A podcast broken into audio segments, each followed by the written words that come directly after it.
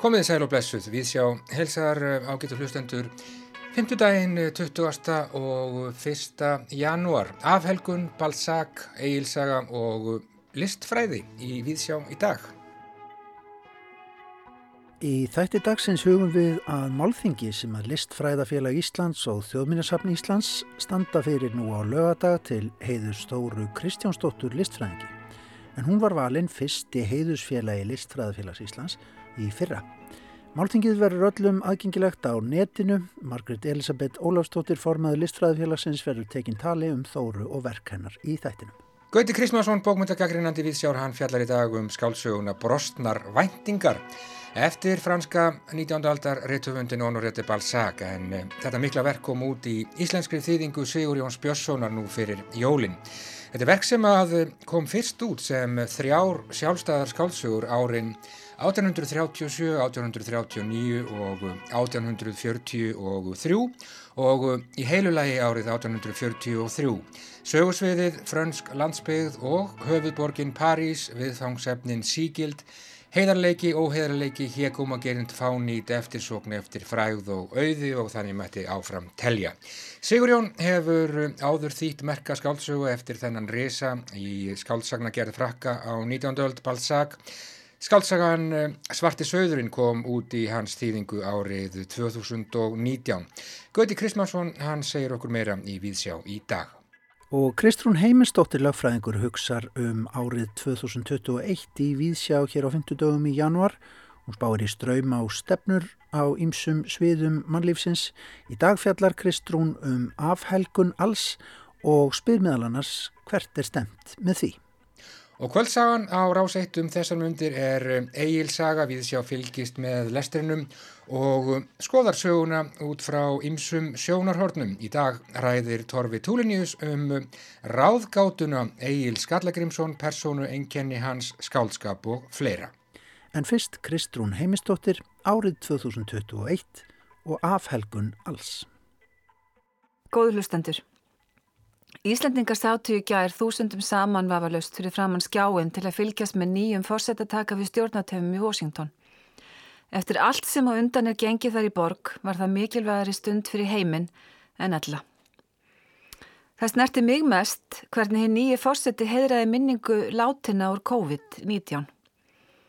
Ég hefði nefnilega viljað sjá það sama gert á Íslandi til dæmis um jóliða áramót og var hálti kóru alltaf að búast við slíkri gjörð, samkendar og hlutekningar okkar allra með þeim mörgu sem hafa mist.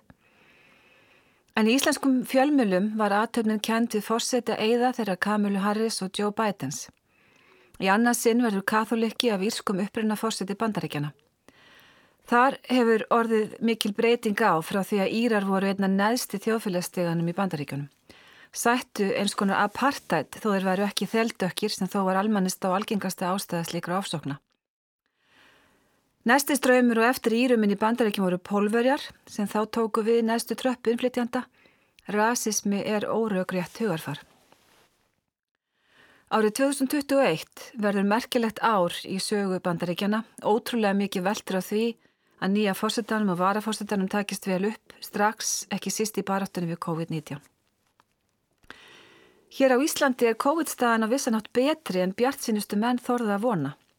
Tölfræðimeistarinn Tór Aspelund bar saman Írland og Ísland því þessi tvö lönd hafa hinga til í kóinu fylst að en nú ber svo við að tíðni smita hefur rókið upp þar en ekki hér. Jólin örðu dýrkjæftar í Dublin en í Reykjavík. Ég var einu sinni í háskólanámi á Írlandi og þar eru jól margra partítími með svalli og söng á pöppunum en þar í landi gerist líka svo margt á pöfnum. Skýrt bars er fagnað, erfið drukkið og allt þar á milli. Og hver einasti maður verðist eiga sér sérstatt söngla í mistkosti 17 erindum til að geta tekið að sér að leiða söngin á pöfnum verði á hann skorað. En jólahefðin er sem sagt býstna ólík íslenskri jólahefð. Á Íslandi eru haldin mjög hátileg jól, hátileg helgjól en ekki parti. Amma mín notaði orðalagið allt verður heilagt um það sem gerist klukkan 6 á aðfangata jóla. Og ég hef þá prívat tilgáttu kenningu að það hafi verið þessi rótgróna, fjölskyldubundna, helgi jólana sem var svo hlýf sem döði til að vernda okkur frá nýri bylgi nýju ári. Ég held að þau okkar sem geta sagst hafa helga lífsitt yðju og verkefnum sem sómið er af og skipta viðkomandi miklu máli séu lánsamar manneskjur og að þannig sé best að hafa lifað í sáttu Guð og menn eins og sagtir. Likilatriði sé að halga sig einhverju. Og það eigi jafnframt við þegar starf og laun stafa frá slikum grunni að þá séu við betur útbúin til að mæta kreppum, bresti sjálfsafla fjár og öðrum erfileikum eins og svo margir eiga við að etja núna. Ég held að helgi sé ekki slepja, heldur auðlind og áttaviti, uppspretta seglu og hamingju hvers og eins. Helgi íslenskra jóla, sameigli hefði mikils meiruluta fólks, virkaði næstum eins og hjarð ónæmi ef svo má að orði komast. Fyrir okkur hvert og eitt er á vísan að róa með það að ef okkur hefur tekist að helga lífið verður viðfónsefni þurfum við ekki að óttast andlegan og vitsmunulegan skort og allur tímabundin afkomu og ótti verður miklu bærilegur en ella. Það er lærð hegðun en ekki náttúrulegumál að meta gildið sitt og sjálfsmynd, engungu og eignastöðu og peningum. Og það ætti að vera öllum umhugsunarefni hvernig peningar riðja því burt sem fólki er helgast og kærast. Margur verður af öðrum api. Öll hagfræði okkar tíma er byggð á hugmyndinum skort, að of lítið sé til Það verði að berjast um brauðið og einhverjir fái ekki neitt. Þannig sé það alltaf. Nýlega las ég hans vega grein mannfræðing sem heldur til fram að í Kalahari eðimörkinni Suður Afríku hafa ættbolkar veiðimanna og sapnara verið betur nærður af mat sem þeir öfluðu sér en síðari kynnslóður fólks sem stunduði búskapi í landbúnaðarsamfélagum. Það er merkilegt að við sem nú lifum búum við mjög sterkan tíðarenda af helgunar. Afhelgun alls er bóðorð margra og þá er eðlert að spyrja til hvers? Til hvers afhelgun alls? Að ekkert sé heilagt er jáfnvel orðið að pólitískri kröfu sem er sérkennilegt því trúfrælsi stiður og verndar hið helga í tilvist fólks heitir í raunverulega hverjum sem vill því að fá að lifa meðal manna án þess að þeim sé ógnað eða því sem þeim er heilagt sé ógnað. Pólitísk krafa um að ekkert sé heilagt í samfélagi hefur hverki byrst hjá skýrlega og hjá þykjustu trúfélaginu súistum sem fóru mikinn hér á landi skrýpaleg en urðu samt sem áður viðukent lífskoðunarfélag en hafa reynda núna mist þá stöðu og töpuðu dómsmáli fyrir nokkrum dögum. Hvað var það?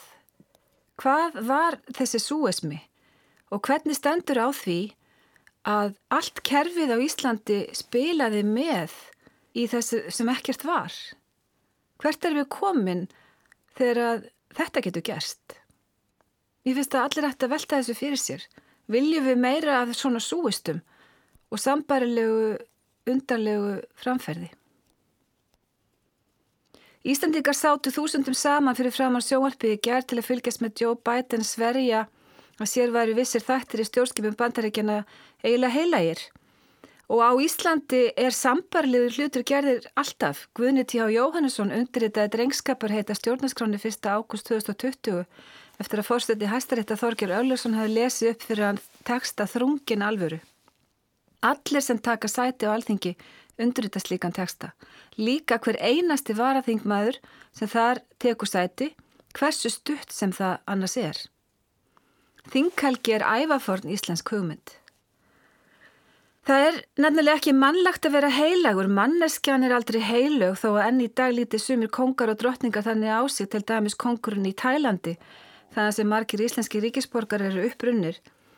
En hún manneskjan, blessu manneskjan, hún líður mikinn skort í tilveri sem einkennist að því að þar sé ekkert heilagt. Efnisíkin útímas fylgir oft örfendingafull leit að andlegum vermaðum. Að því leiti er COVID-19 speil til að skoða sig í og margir hafa leita tilbaka til horfinar kynsluðar formaðra og feðra sem livðu alla áraun ársins 1918. Yngri kynsluðin hafði litla aðtikli veitt og gert lítið úr hundra ára afmæli fullveldis Íslands, afregs þessarar kynsluðar. Sá ekki ástæði til þess að læra þá af því afregsverki eða heðra minninguna um það og áhrifinu öll til góðs fyrir þá sem eftir komu því fullveldi Íslands 1918 er afregsverk. Við Íslandingar sem sett áttum þetta stóra afmæli 2018 en heldum frekar lélega upp á það. Síndum kynslaðuna undan ekki mikinn heiður. Kanski var það einmitt þess vegna að forlegin sendu okkur þetta erfiða verkefni til aðtöku hvort við vildum prófa alveru alvarleika sem eins gott er að vannmeta ekki og gera lítið úr. Nú þurftum við áhugjulegsa kynnslóðin að taka á því að sína hver við erum og hvað við getum.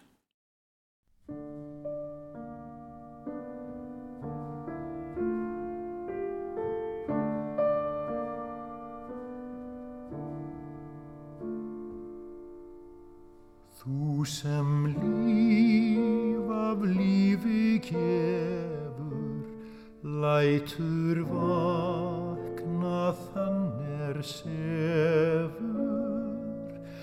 veittu mér að vilja finna, veginn væri sveina þína.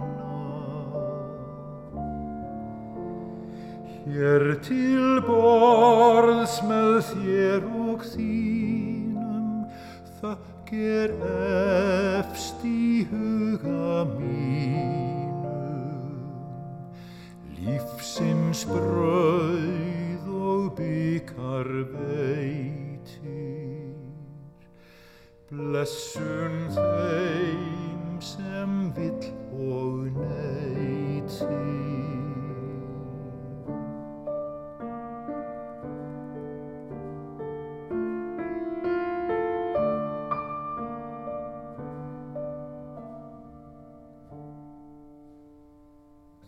Þú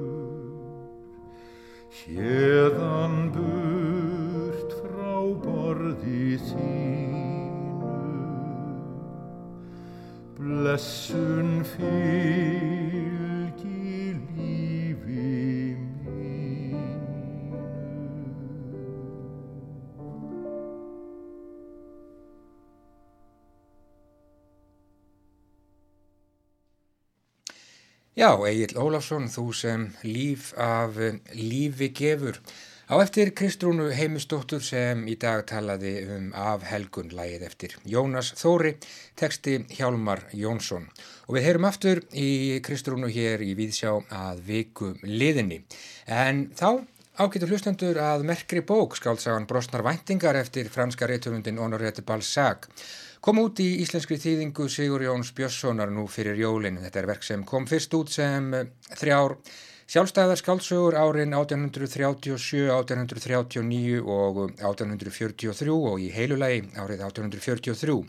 Sögusviðið, frönsk landsbyggð og höfuðborgin París, viðfangsefnin Júsíkild, heiðarleiki, óheiðarleiki, hégómagerind, fánýtt, eftirsókn eftir fræð og auði og svo margt, margt fleira.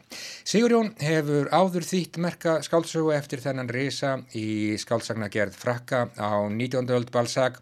Skáltsagan Svarti Söðurinn kom út í hans þýðingu árið 2019. Gauti Krismansson, hann er búin að lesa brostnar væntingar og við skulum gefa honum orðið.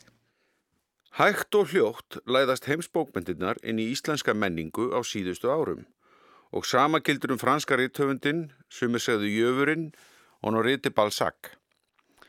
Á síðustu árum er það fyrir tilstilli Sigurjóns Björnssonar en hann hefur nú þýtt fjóra skáldsögur úr bókabalknum La Comédie Humaine En vefritin segja manni að hann hafi ætlað sér að skrifa 137 bækur í þeirri sériu en ekki náðunum að 91 áður en hann varð örendur.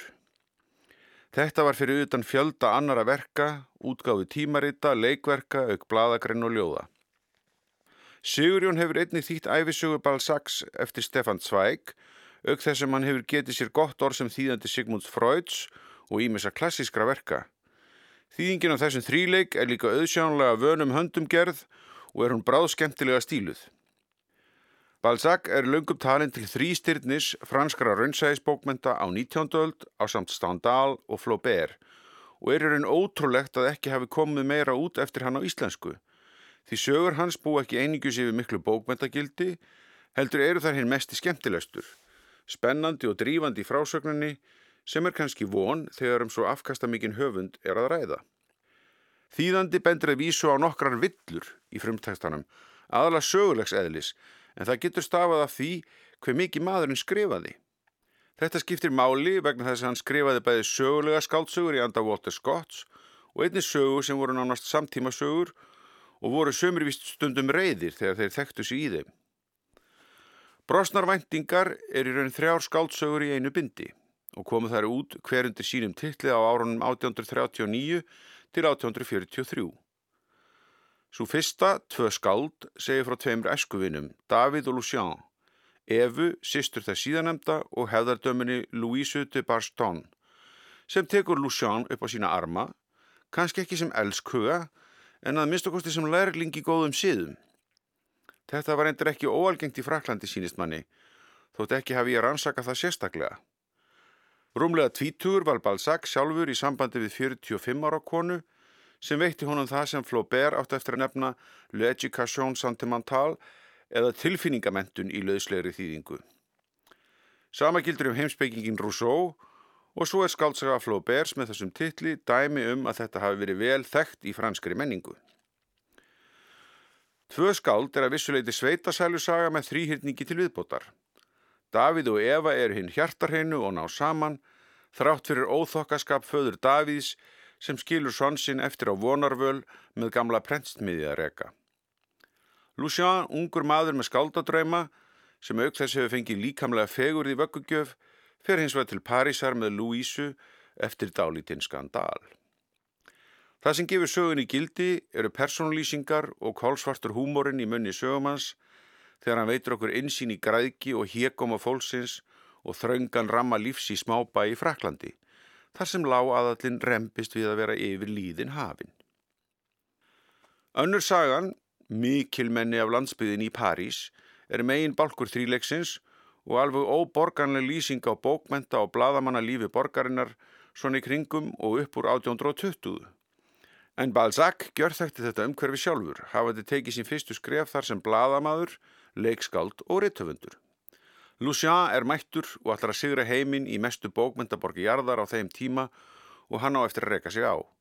Höfnun og brostnar ástir og samfélag skálda, leikhúsin, útgefundur, bladamenn og ekki síst gaggrindur fá verulega á baukinn í kolsvartri en kannski raunsæri komedíu. Þessi bók er skildulesning fyrir alla sem þessi störf stunda. Það er farið svo undir húðin á öllum að vel svíður og um leiðverðum aðra brosaða kaltæninni tækifærismennskunni og kannski líka göfginni í sömu tilfellum. Meistarinn stillir þessu öllu upp í ringuðu borgarlífsins þar sem aðallinn snoppar fyrir listamannunum og öfugt og pólitíkin kræmar undir en það voru reglulega byltingar í Fraklandi á þessum tíma. Mjög undrar að ekki hafi verið gerðar meiri háttar sjónvarsserjur úr þessu. The Crown myndi blikna í sínu húmósleysi við hliðin á því. Kanski hefa frakkar gert einhverja slíkar en við bara ekki séðar hérna upp á ennsku landi. Þessi miðluti sögunar enginnist einnig að frásagnarkrafti og spennu en fær lesandan um leið til að íhuga mannlega tilvist, ekki síst breyskleika hennar. Lucian finnur vissulega ástina líka en verkið er að mörgur eitthvað klassískur harmleikur þar sem áfdram söguhetjunar verður henni að falli. Yfir vötnum svífi líka fástíst element um að selja sál sína og er þá raunir endur tekið í þriðjusögunni raunir uppfinningamanns sem segir frá samsæri keppinauta Davíðs í prentverkinu til að komast yfir uppfinningu hans á nýri framleiðslu aðferð á pappir. Hún les sig nánast eins og glæpasaga þótt ekki sé fram inn eitt morð. Sögurnar eru fullar orðhefni og hnittni sem unin er að lesa og hefur Sigurjóni tekist vel að koma þeim til skila. Ég ætla þess að nefna tvö plásins vegna. Í því fyrra hefur eitt bladamæður vinnur Lucians sem ennir að blöytur á bakvið eirin í París sett upp plott til að fá leikorun á flórinu til að kúa fíat úr livsaleginum sem er eitthvað veikur fyririnni og Lucian mótmælir. Tilvitun hefst. Lustó gaf Lucian ekki tíma til að ljúka ræðu sinni. Úr hvaða landi komið þeirri drengur minn? Þetta er ekki maður heldur gullkista sem Ástin hefur búið til. En hvað um samviskuðar? Samviskan minni minn er eins konar prík sem allir nota til að berja með á nágranna sínum en nota aldrei á sjálfan sig, tilvitun líkur. Síður í sögunni þegar Lucian er farin að harna og gengst upp við frama sínum sem bókmyndagagrínandi eftir velhefnaðar greinar, þar á meðal eina um bók sem hann fannst góð en var vélaður til að rýfa í sig eftir að útgefandi höfundarins hafði hafnað því að gefa út ljóðin hans. Kollegarnir benda honum samt á að hann vilja ekki verða óvinnur höfundarins. Hann sé frægur og getur orðið ungum höfundi skeinuhættur. Lucian spyr hvað hann eigi að gera og þeir segja honum að skrifa lofrótlum bókina, þvert á það sem hann skrifaði áður. Þetta væri hægt vegna þess að gaggrinni hans var byrt nafnlaus þótt allir hafi vita hver höfundri var. Aftur mótmann Lucian og segist ekki geta tilvitnun hefst, sagt neitt gott um bókina. Svo þú skrifa það sem þið fannst, spurði Hector Lucian. Já, æ, drengurinn minn, saði Blondi. Ég held þú hefði meira bein í nefinu, hamingjan sanna. Elsku drengurinn minn, í bókmyndunum hafa allar hugmyndur bæði baklið og framlið og enginn getur ábyrst hvað á að snúa fram og hvað aftur. Hugmyndir eru tvendir og Janus er Guð gaggrinnar og ták Guð snillingsins, tilvitnum líkur.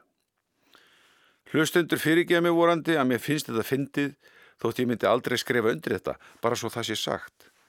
En sögunda þrjár eru fullar af svona augnablikum, það sem hann finnst gaman að lesa og það ber að þakka Sigurjónu það afreg sem hann hefur unni með þýðingu þessara bókar og raunar allra hinna líka. Sagði Gauti Krismansson um skálsuguna Brostnar væntingar eftir franska réttufundin Honorete Balzac sem kom út í íslenskri þýðingu Sigur Jóns Björnssonar nú fyrir jólinn. Afreg hjá Sigur Jóni sem ber að þakka, sagði Gauti og óhætt að taka undir það. Og við höldum okkur við heimsbókmyndir hér í Víðsjá á 50 deg. Kvöldsagan hér á rásætt þessa vikurnar er Egilsaga. Torfi Túlinius les hana og er komin vel inn í söguna. Við hér í Víðsjá fylgjumst að sjálfsögðu grann meðlæsturinn.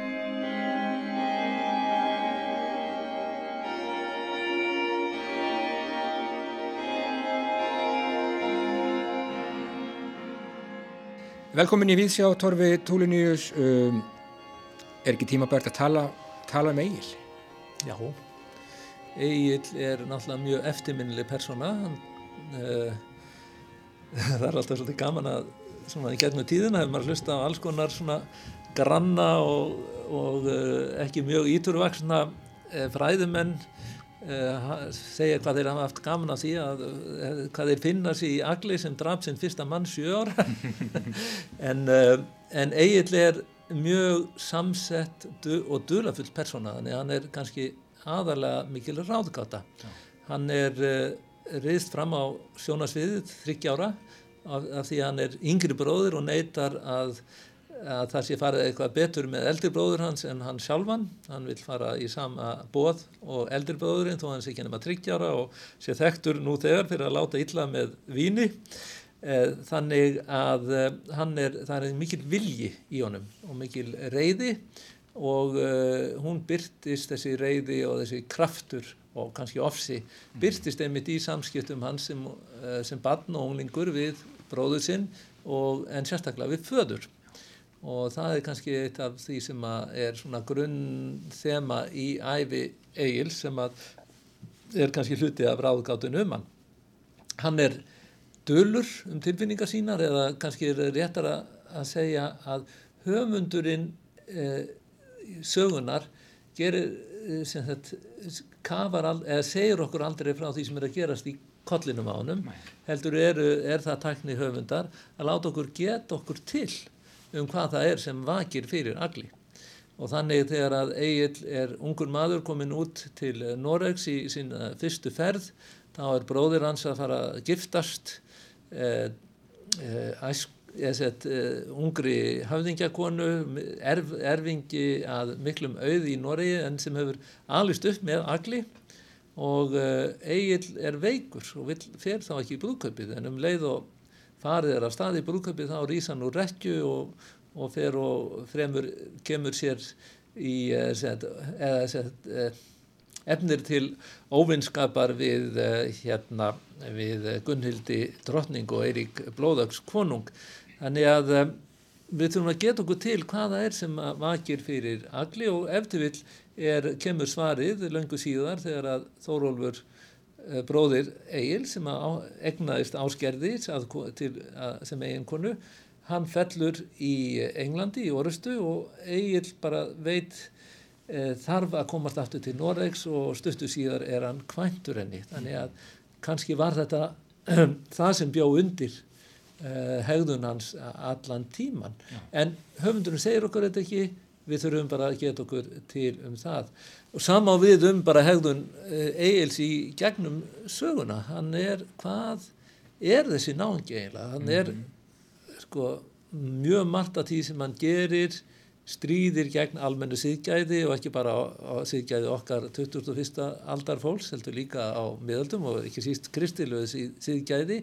Hann er gestur á bæ einum í, í Noregi og finnst að gerskjafin hafi ekki gefið hann nógu góðan drikk og næsta morgun þá fer hann og Nei, þá um kvöldi þá guppar hann upp í gerstjafan og svo næsta kvöld fer hann og stingur úr honum augað og ætlaði að drepa hann en, en konan, eigin kona gestgafans uh, kemur nú í set, byður eigilum að þyrma lífið hann sem að eigil gerir. Þannig að hann er stórkallalegur hann er stóri í sniðum, hann er ljótur hann er halgjört tröll hann er uh, þetta, uh, frækni hans á orustuvellinum er nánast ofurmannleg og svo yrkir hann þessi stórkoslu kvæði og er engin leiknar en hann að, að setja saman vísur og, og kvæði. En hvað var ekki fyrir honum, hvað er að gerast? Og til dæmis er þetta sögupersona í þeim skilningi sem við leggjum kannski sem skálsögulesendur nútímans í, í hann er þetta persóna sem þróast mm -hmm. á hans er innra líf. Og uh, þetta innra líf það er nú aðeins fyrir stundum gefið í skinn hann eigi það og ekki síst í, með hvaðskapnum en hvað vakir fyrir honum? Við fáum aldrei að vita það. Ég held að það sé öfugt við kannski flesta fræðumenn sem að hafa fjallað um söguna og ekki síst þá sem að fjall, fjallað, fjallað um hana hér áður fyrr þá sé ég ákveði samengi í lífi Egil's. Það er sett ákveðin þróun í persónu hans og um, hún er svolítið ætt við uh, rómönsu personur Já.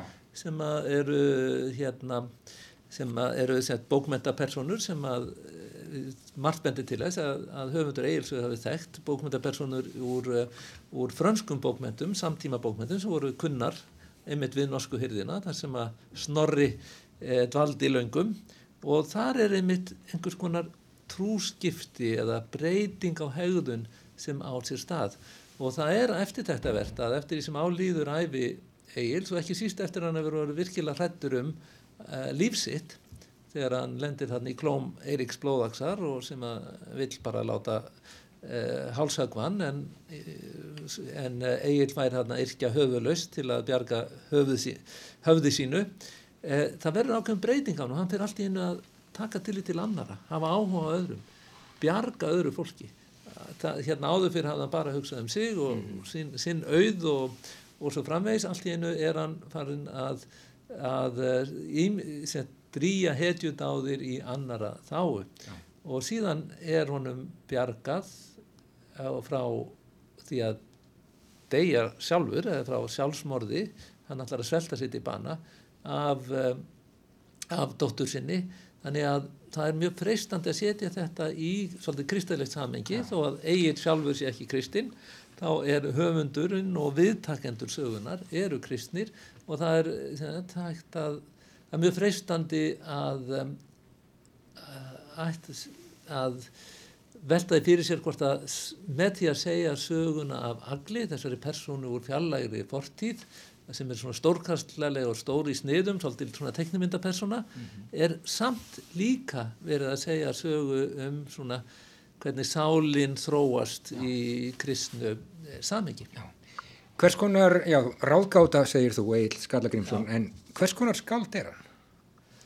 Hann er eh, náttúrulega eh, sko, leikinn, þetta er náttúrulega drótkvæð list, er er sérstaklega erfið er, eh, sagt, já, þetta er mjög, mjög þetta er svona listaháðu stíi mm -hmm. svo flókin, bara sagt, bragurinn er að gera svo mikla kröfur til skáldsinn Íþrótt þetta er, í, já, þetta er íþrótt, eða skaldskapur er eina af íþróttunum mm í, í hérna samkvæmt miðaldamönnum.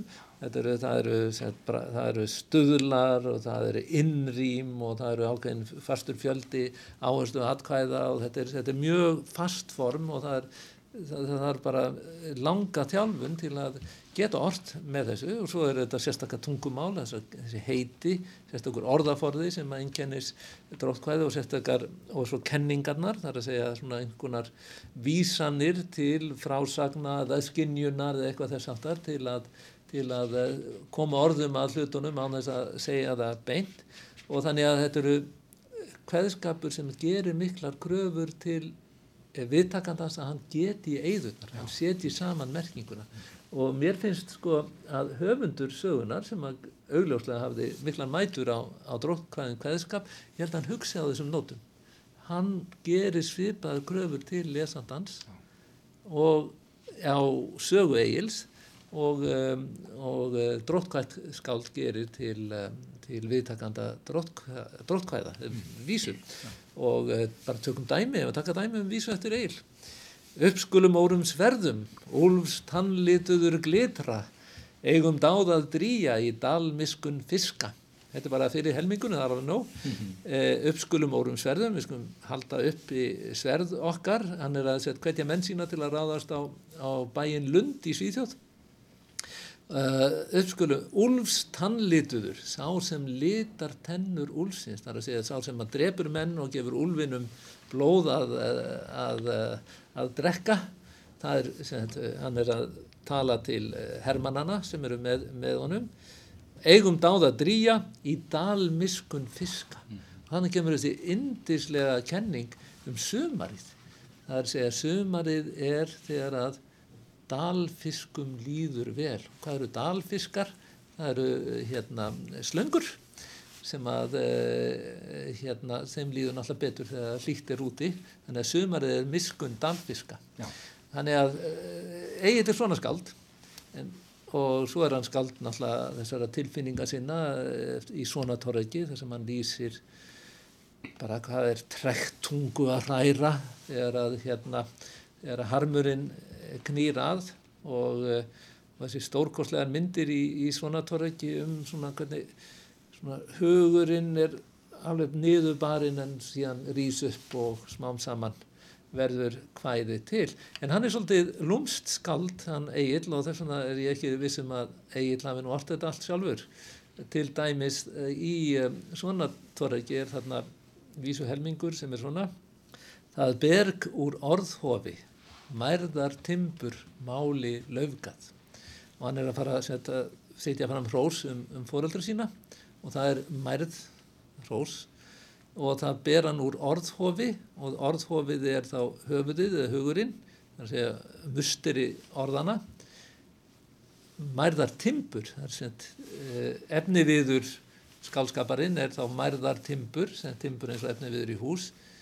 Eh, mærðar timbur máli laufgað. Mm -hmm. og það er laufgast af tungumálinu og þetta er mjög falli mynd og, uh, og um skálskap sem kemur úr höfðinu og er verður að einhvers konar ávexti þetta er líka tilvísun til biblíunar þetta er tilvísun til um, fjóruðu mósebókar 17. kapla það sem sagt er frá því að uh, þegar að, að að hérna, ættir, ættbálkar Ísrael eru að rífast um það hver eigi að vera aðstiprestur, eh, hvað ætt eigi að fá aðstaprests-embættið og uh, Móses talar við Guð og Guð hérna segir láttu hver, hver, hver, hver er ætt útbúa tein og rista nafn ættarinnar á teinin og komdu með það inn í tjaldi þar sem, sem sáttmálsverkin er gemt og aðtöða hvað gerist svo.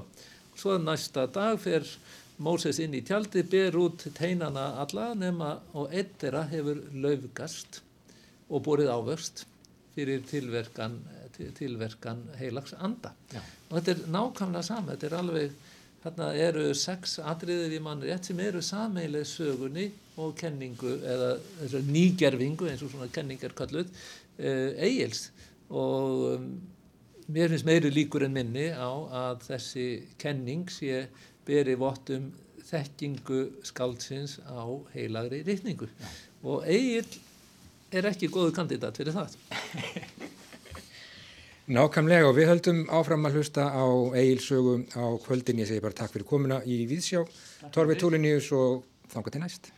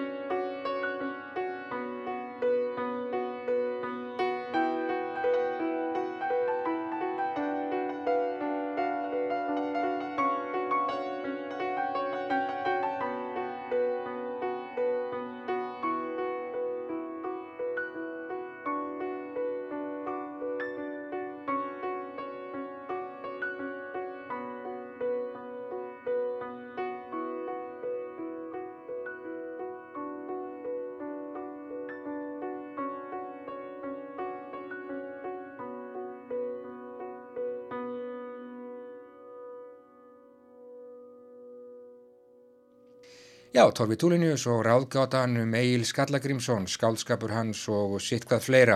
Torfi les nýjunda lestur stundislega klukkan 21.30 klukkan hálf tíu annað kvöld. Og það má geta þess í beinu framaldi af þessu og fyrir áhuga sama að Torfi hann verður með námskeið um Egilsögu hjá Endurmentun Háskóla Ísland sem að hefst nú í janúar. Hlustundur geta fræðist nánar um þetta á síðunni endurmentun.is.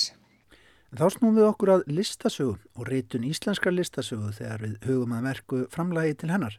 Hér er rött úr sapni Ríkisútasins frá því um miðjan 8. áratugin á síðustu öld. Gott kvöld. Myndlistarunendur í Reykjavík þurfi ekki að kvarta þessa dagana.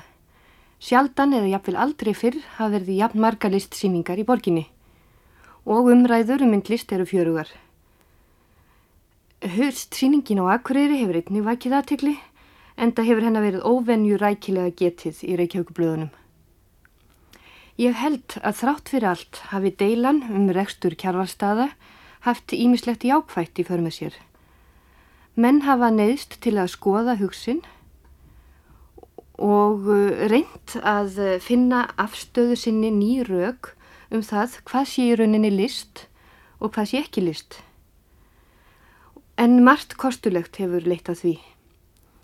Eitt þeirra sem hjælt síning á kjærvalstöðum nú um daginn auglisti til dæmis þannig komið og sjáu þau verk sem ekki fengu hér inni í fyrra. Og mér er ekki grunnlaust um að fleiri hafi keift sín á þá síningu en hefðu til dæmis skoðað þessar sömumyndir í ramagerðinni eða á einhverju öðru markastorki. Listrænt mat manna á myndunum hefur ekki breyst, held ég, en það sennileg ekki til þess leikurinn gerður. En síningin gekk vel, fekk mjög góð aðsókn og mikil sala. Manni dettur í hug það sem maðurinn sæði forðum, betra ílt umtalin ekkert. Já, þarna herðum við Þóru Kristjánsdóttur lístfræðing og útaskonum heilsa hlustendum sínum í myndlistarþættinum í Ríkisútarpinu hausti 1975 og hún vísaði þarna í deilur sem að þá stóðu um aðkomi listamanna að listrætni stefnu kjarvalstaða sem þá voru nýjir af nálinni í myndlistarlífi borgarinnar.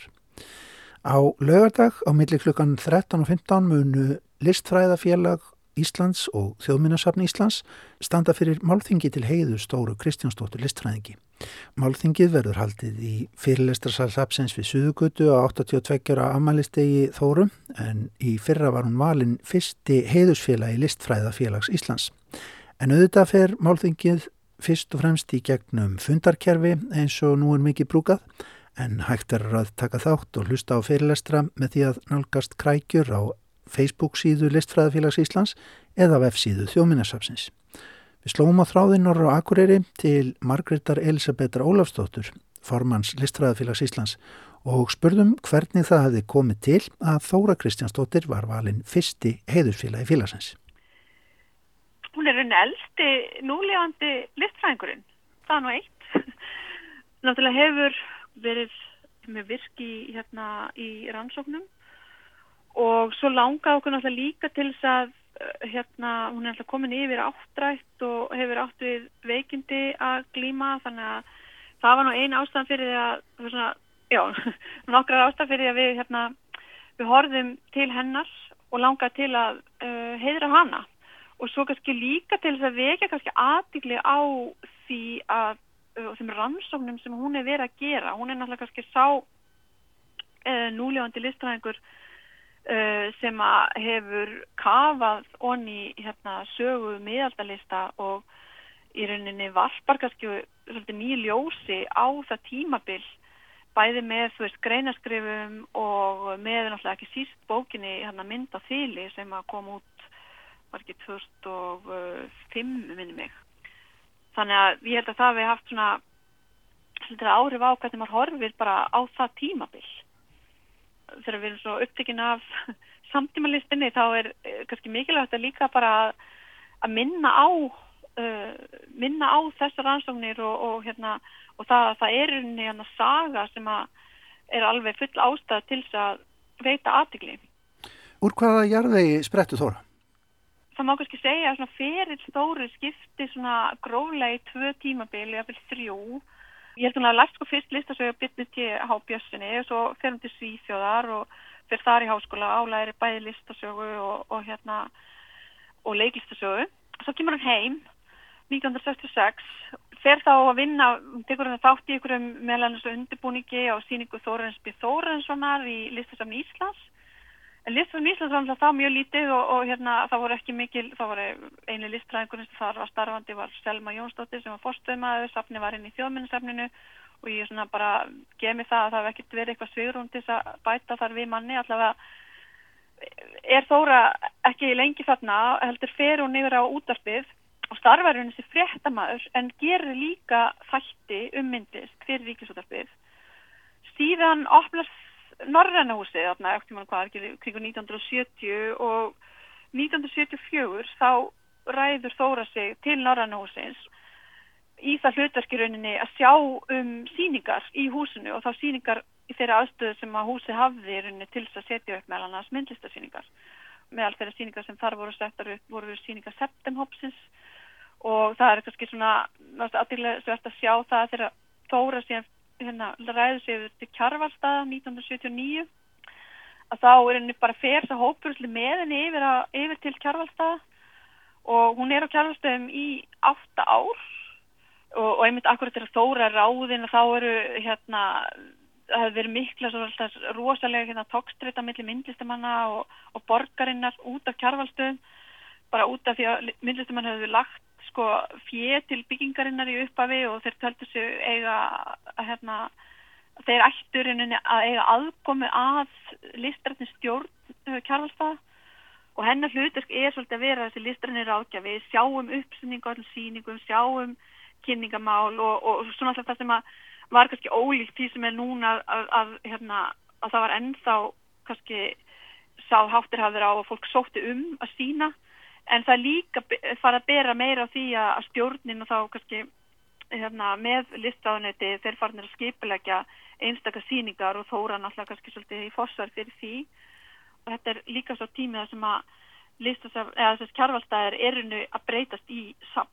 Svo er þetta búin að vera hann í átta ár að þá sem sagt uh, ræður hún sig yfir þjón, uh, til þjóðminnsapsins og fer í rauninni uh, í námi í sakfræði um leið í, í Háskóla Íslands og fer svona eftir það að hérna einblýna svolítið á einmitt þessa myndlist fyrir tíma. En mér finnst sko aðeilsvægt að sjá það svona, á kjarvalstöðum að hún er í rauninni mjög ofinn fyrir allir svona framústefni hugmyndum og það var náttúrulega svo mikil gerjun hann á sviði nýlista og, og allt sem gerist í kringum hugmyndalistina og það er alltaf reglulega allir með síningar og verkum slíkum verkum en hún er líka ofin fyrir handverkinu og, og, og hræringum í samvætti við, þú veist, hvennarreifinguna og hvennaframbóðið og hún er svona breytt áherslu við en þess að fer síðan einhvern veginn hann eftir 1987 þá sekkur hún sér algjörlega á kaf í svona, svona, sagfræði, já, svona meiri sagfræði og list sem að uh, menn svona svolítið afskrifuðu kannski svolítið að ykkur leiti sem að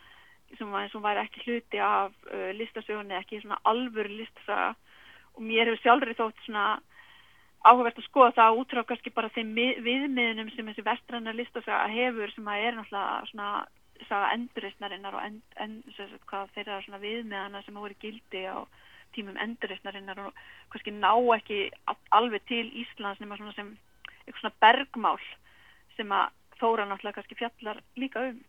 Þú nefnir þessa bók mynd á þýli sem er rauninni bara tegir daldið á íslenskri listasögu í, í hináttina heila.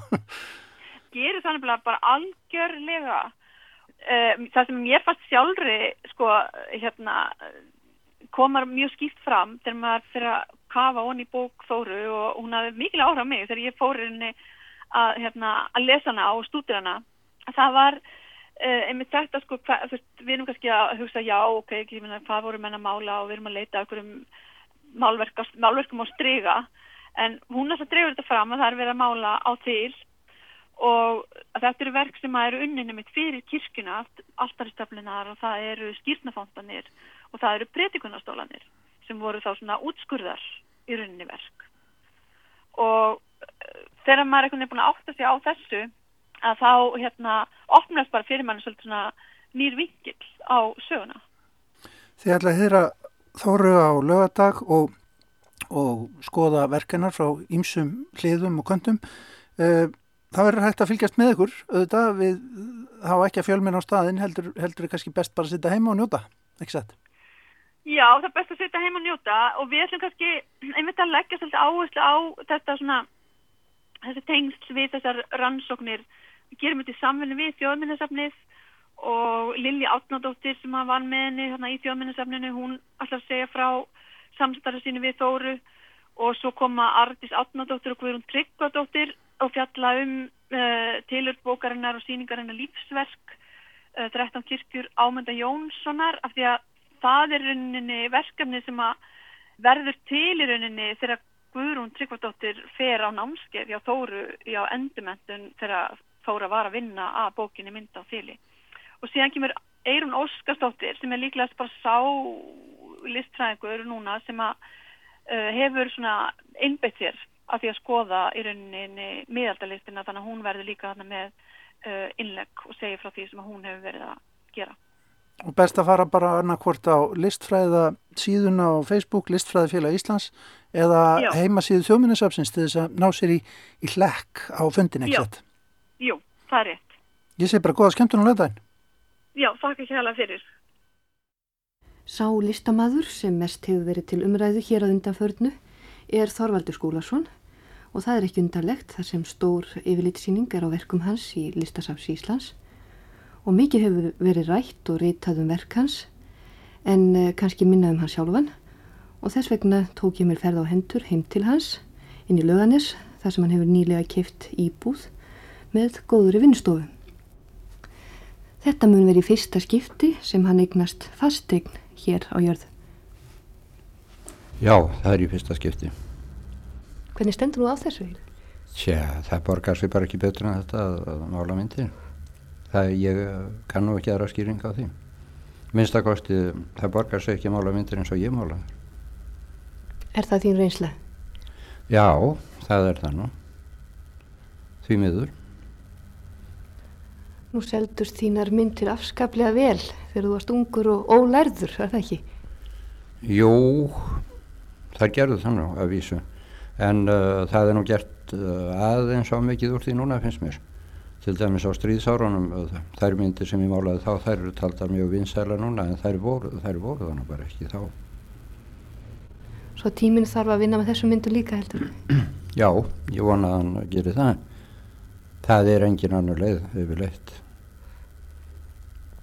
Já, þú holst upp á blöndósi Já, já, ég holst upp það Hvernig stendur nú á því að hvern, hvað skýringu gefur á því núna að þú hafið farið út í að mála?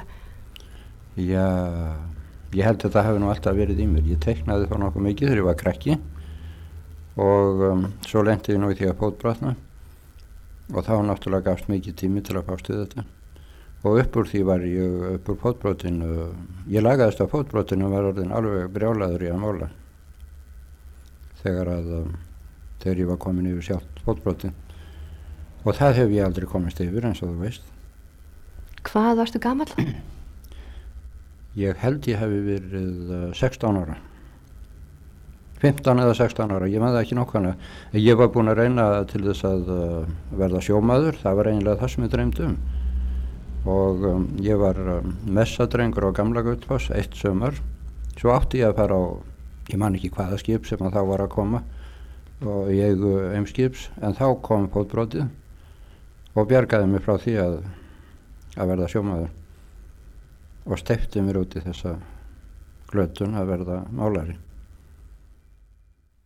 Já, sem betur fyrr kom fótbrotið til sögunar og var til þess að Þorvaldur Skúlarsson varð listmálari en ekki sjómaður með fullri virðingu fyrir þeirri ágætu stjætt. Þetta var úr viðtali Þóru Kristjánsdóttur listfræðings við Þorvald í þættinum í vinnustofu listamanns frá 1972.